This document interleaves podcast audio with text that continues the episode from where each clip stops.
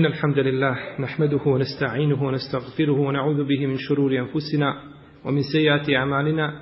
من يهده الله فهو المهتدي ومن يضلل فأولئك هم الخاسرون. وأشهد أن لا إله إلا الله وحده لا شريك له. وأشهد أن محمدا عبده ونبيه ورسوله وصفيه من خلقه وخليله. أدى الأمانة وبلغ الرسالة ونصح الأمة وكشف الله تعالى به الغمة. وجاهد في الله حق جهاده حتى اليقين يا أيها الذين آمنوا اتقوا الله حق تقاته ولا تموتن إلا وأنتم مسلمون. يا أيها الناس اتقوا ربكم الذي خلقكم من نفس واحدة وخلق منها زوجها وبث منهما رجالا كثيرا ونساء واتقوا الله الذي تساءلون به والأرحام إن الله كان عليكم رقيبا.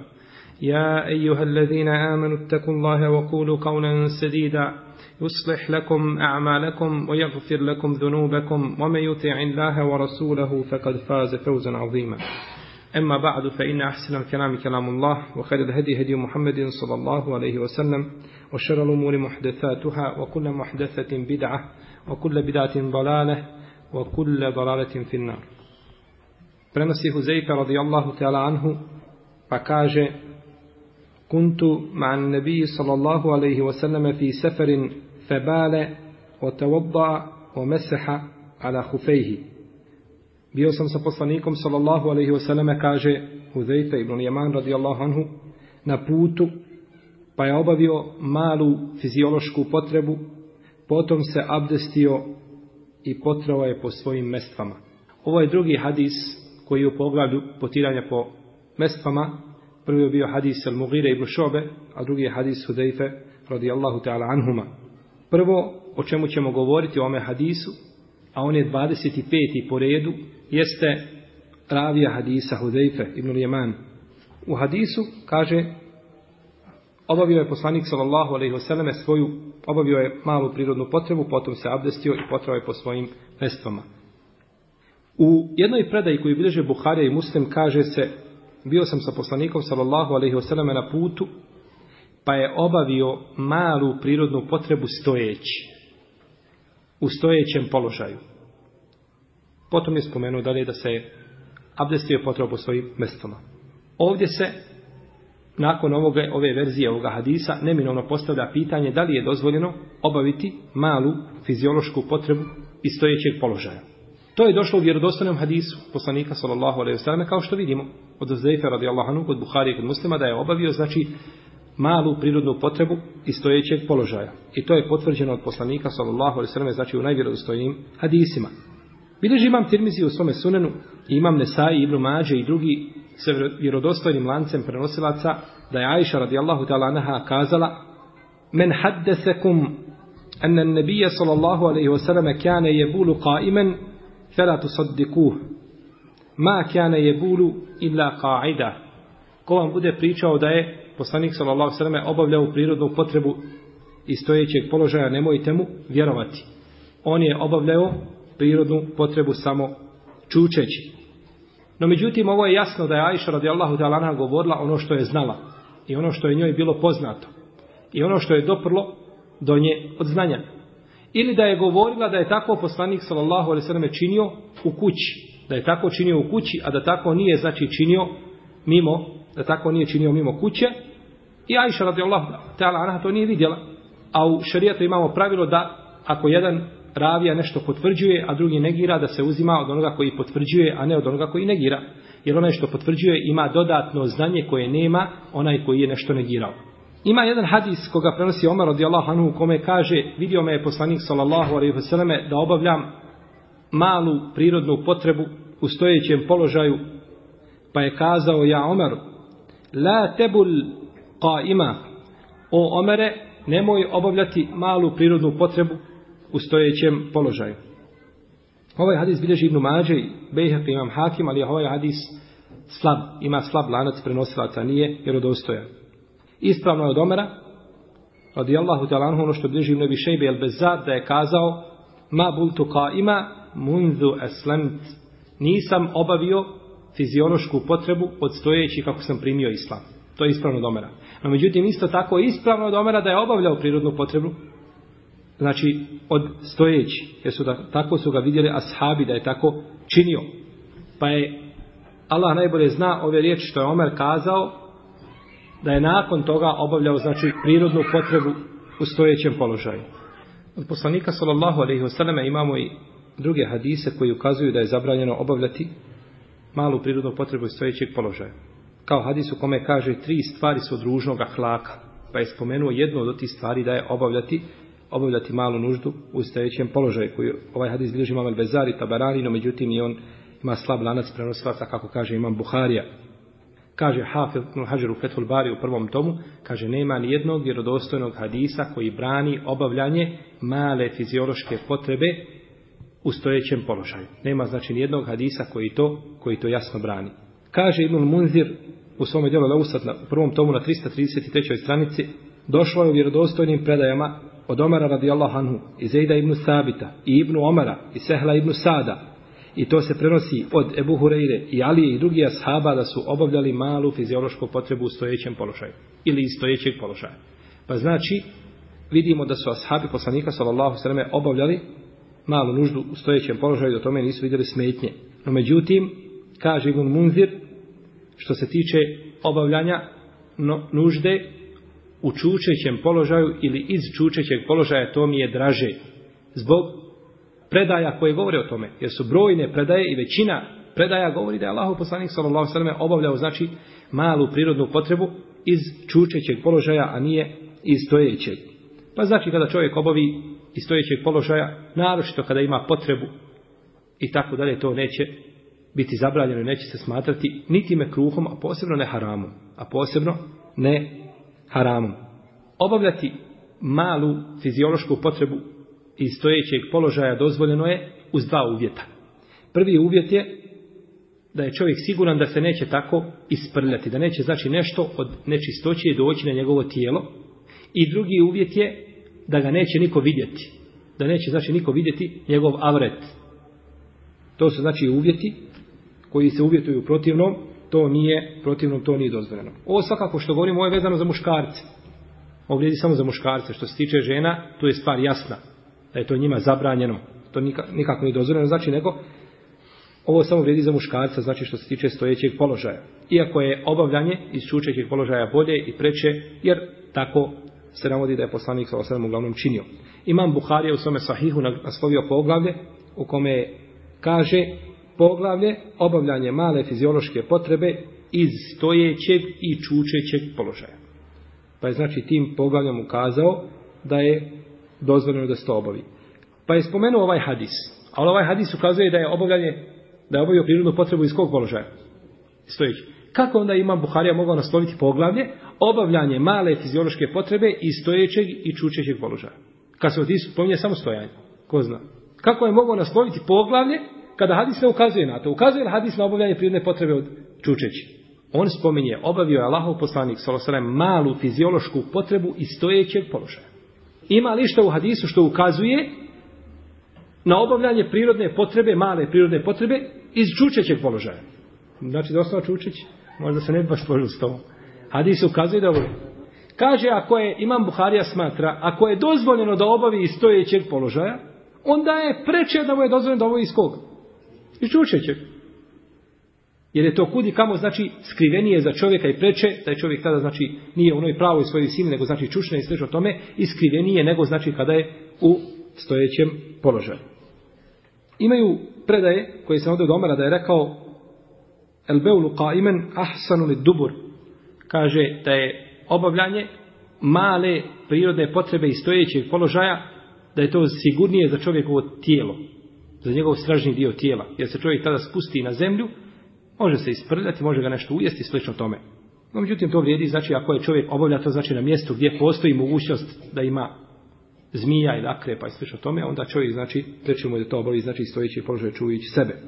Ima u jednom, ima jedan hadis u kome se spominje da je zabranjeno čovjeku da se okrene prema stražnjim ili prednjim dijelom tijela, prema suncu ili mjesecu kada obavlja prirodnu potrebu.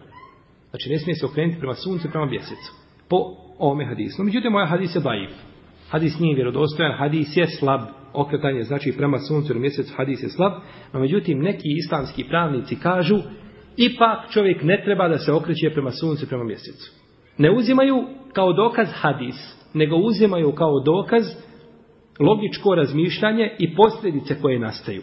Pa kažu kada se čovjek okrene prema suncu ili prema mjesecu svojim prednjim ili zadnjim dijelom tijela, onda je tako, onda tako znači zrake sunca ili mjeseca, jeli koje dolaze od sunca, udaraju gdje?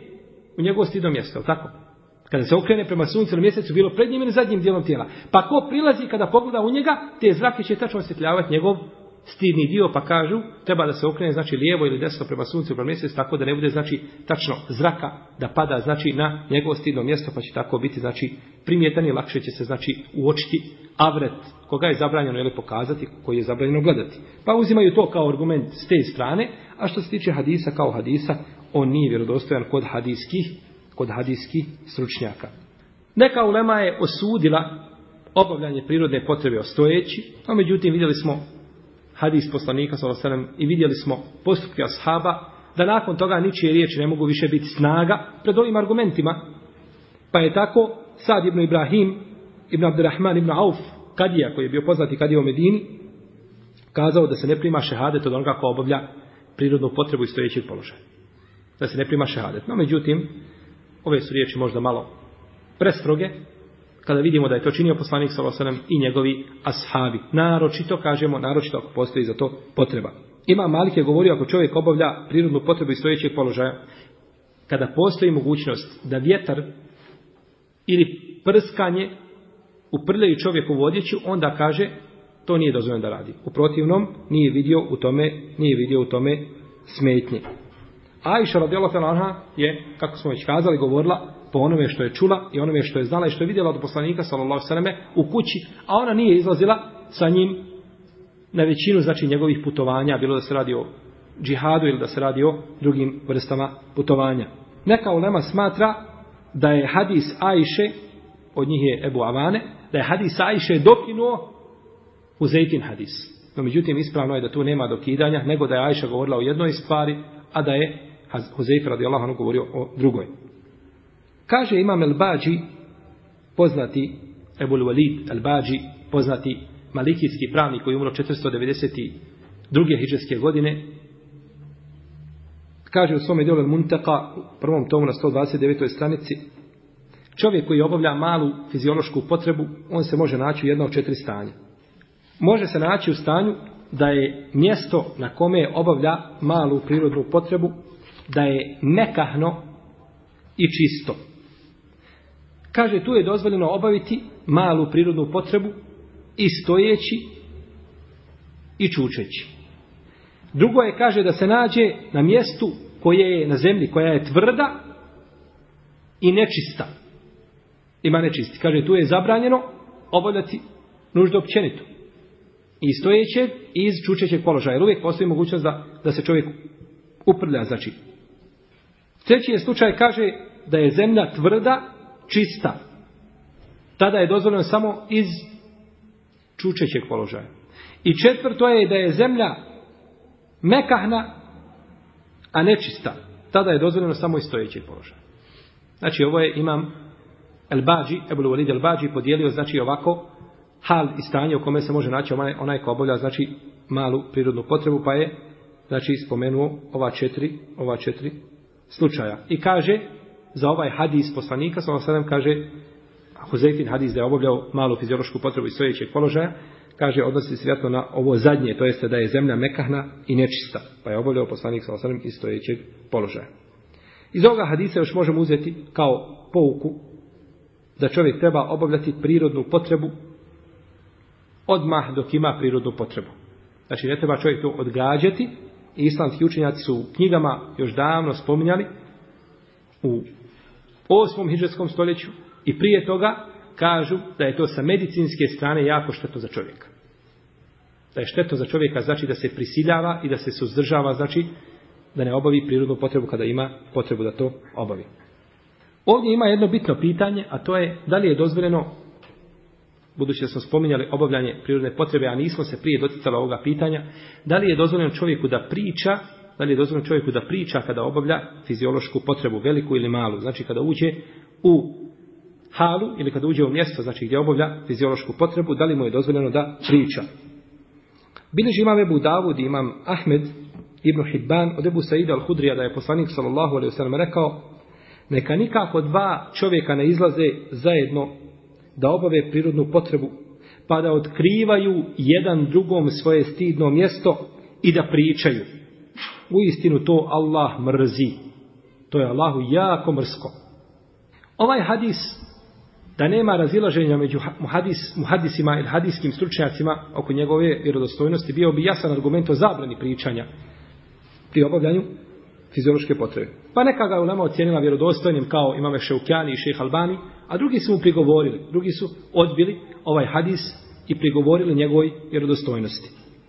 No međutim, islamski učenjaci, četiri pravne škole, koliko sam mogao površinski gledajući u knjige Fikha, četiri pravne škole, vidjeti da kažu da je to mekruh. Da je mekru znači da se priča dok čovjek obavlja fiziološku potrebu. A ono što kažu učenjaci četiri pravne škole, to sigurno ima svoju težinu koja se ne može znači lako pobiti i znači tako se mišljenje ne može baš lako osporiti.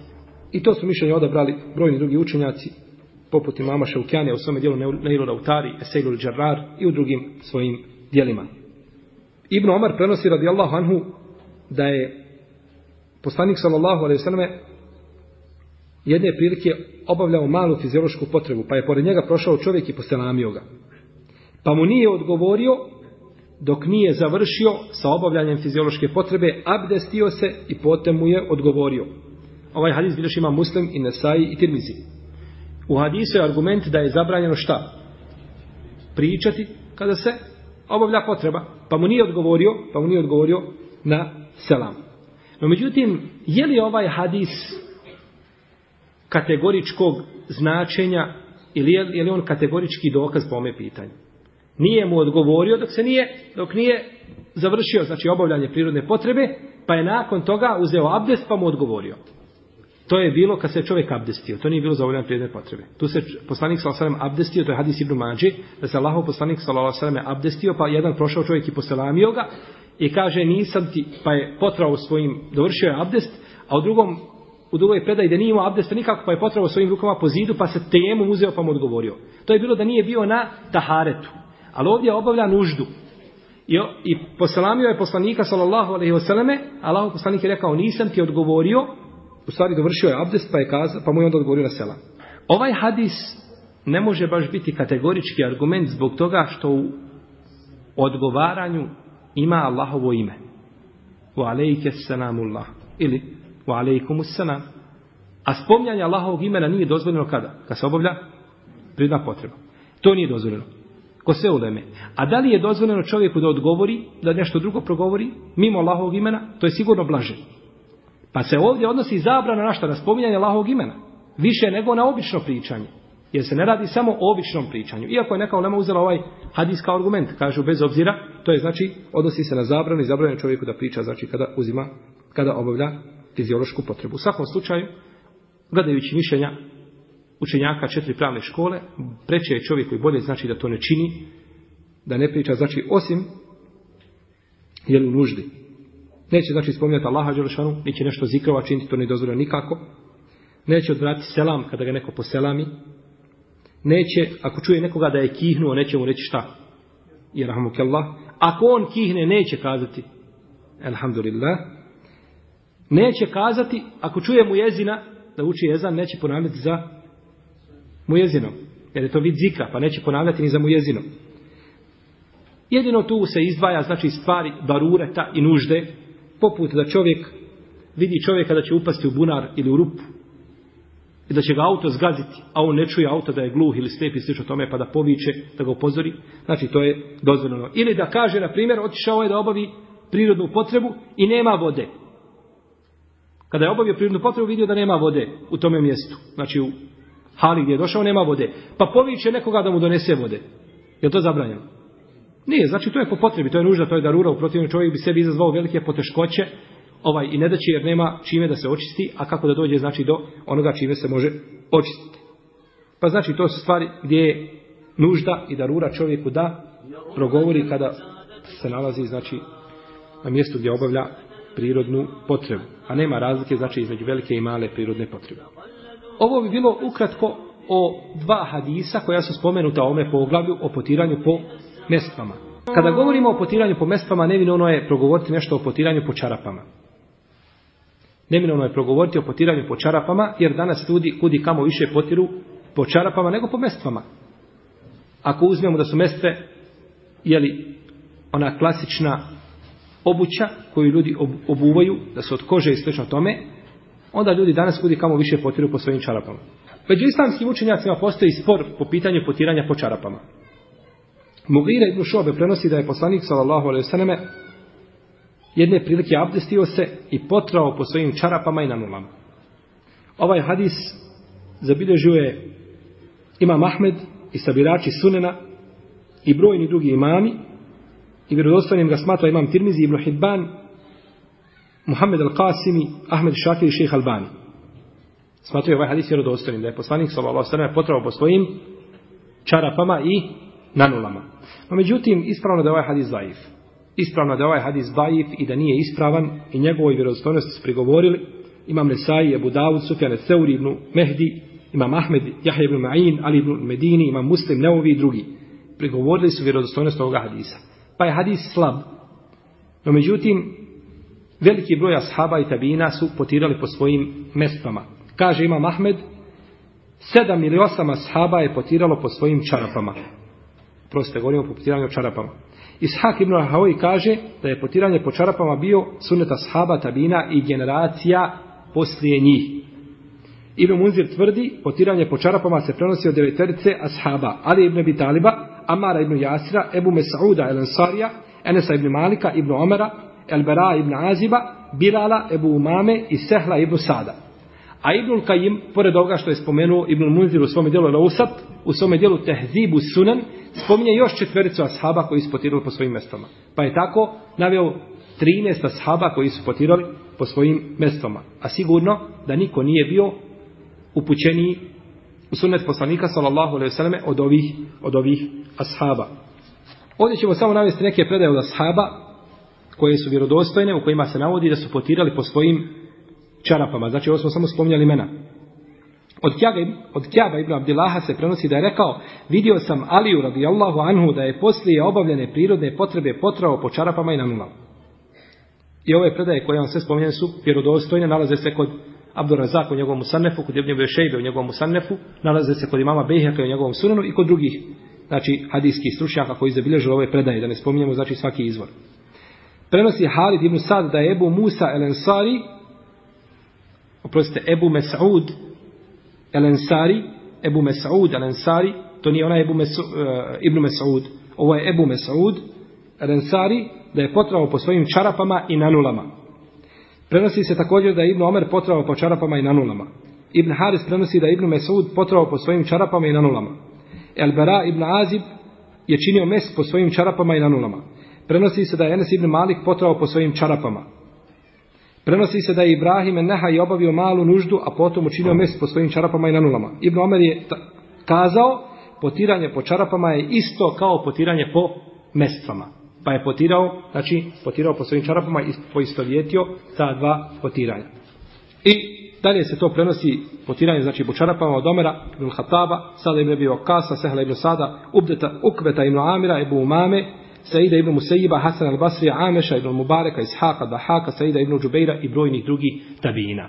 Pa je znači potiranje po mestama bila znači praksa, potiranje po mestama je bila praksa ovih ovih imama Pa zbog toga nije ispravno kazati, nije ispravno kazati da je potiranje po čarapama neispravno. Već vidimo da praksa ashaba jasno ukazuje na utemeljenost ovoga sunneta, a s druge strane nemamo nikoga od ashaba koje je porakao praksu ovih koje smo spomenuli. Jer da oni nisu bili u pravu, došao bi neko da sahaba pa kazao to što vi činite nije bila praksa Allahovog poslanika sallallahu alejhi ve selleme i vi ste uveli novu stvar i slično tome. No međutim to niko nije osudio, pa to ukazuje na utemeljenost ove prakse u sunnetu poslanika sallallahu alejhi ve selleme i u sunnetu i u praksi ashaba poslanika sallallahu alejhi ve alihi wasallam. Što se tiče potiranja po mestama oko ovoga pravnog pitanja ima još mnogo finesa i sporednih pitanja o kojima ćemo govoriti narednog puta kao na primjer vrijeme potiranja za musafira i čovjeka koji boravi u svome mjestu boravka. Skidanje mestava, da li kvari abdest. Kada, od kada se računa vrijeme potiranja? Potiranje po poderanim mestvama. Istek vremena potiranja, da li kvari abdest. Oblačenje čarapa jednih preko drugih.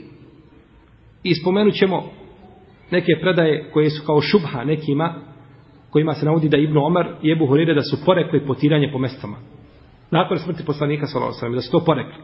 Pa ćemo inša Allah odgovoriti na te predaje i dokazati da su da se Ibn Omar vratio sa toga mišljenja, da se je vratio sa toga mišljenja i da je nakon toga potirao kao što smo spominjali. Pa ćemo inša Allah narednog puta govoriti i time ako Bog da inša Allah završiti ovo pitanje je li potiranja po mestama i po čarapama. Allahu Teala alem.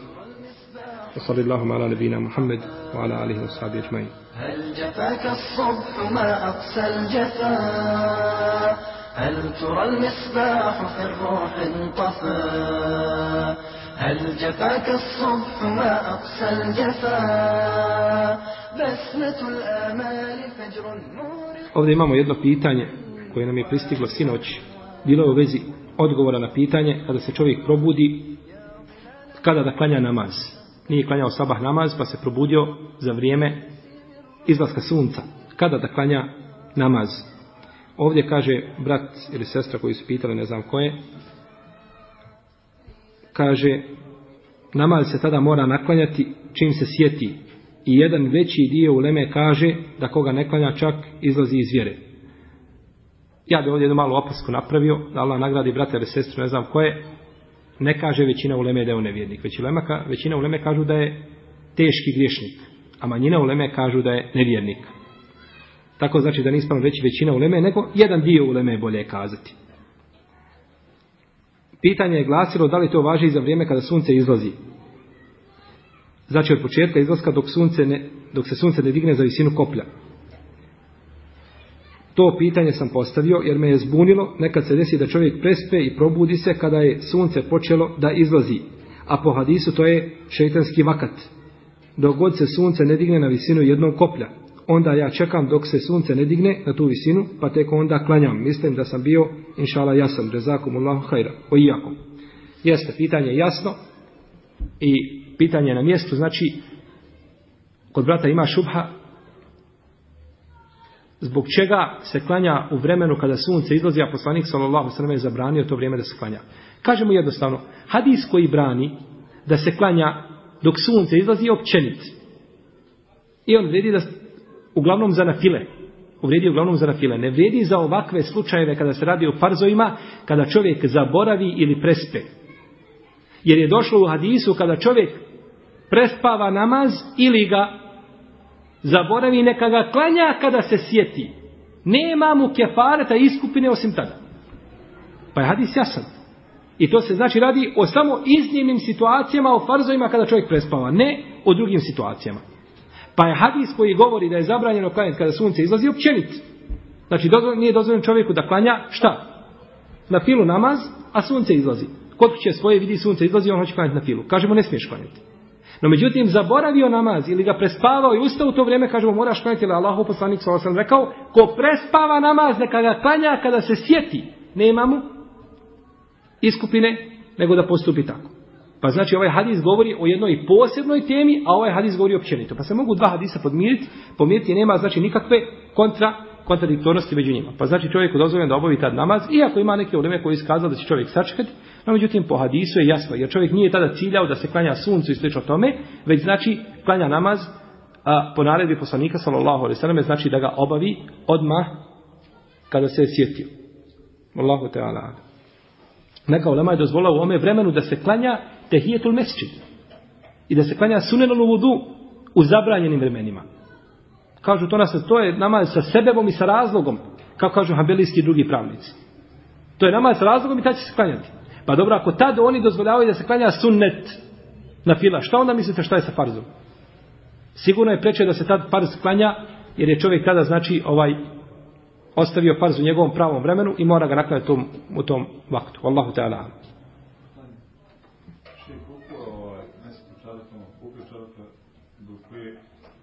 Debljine znači da.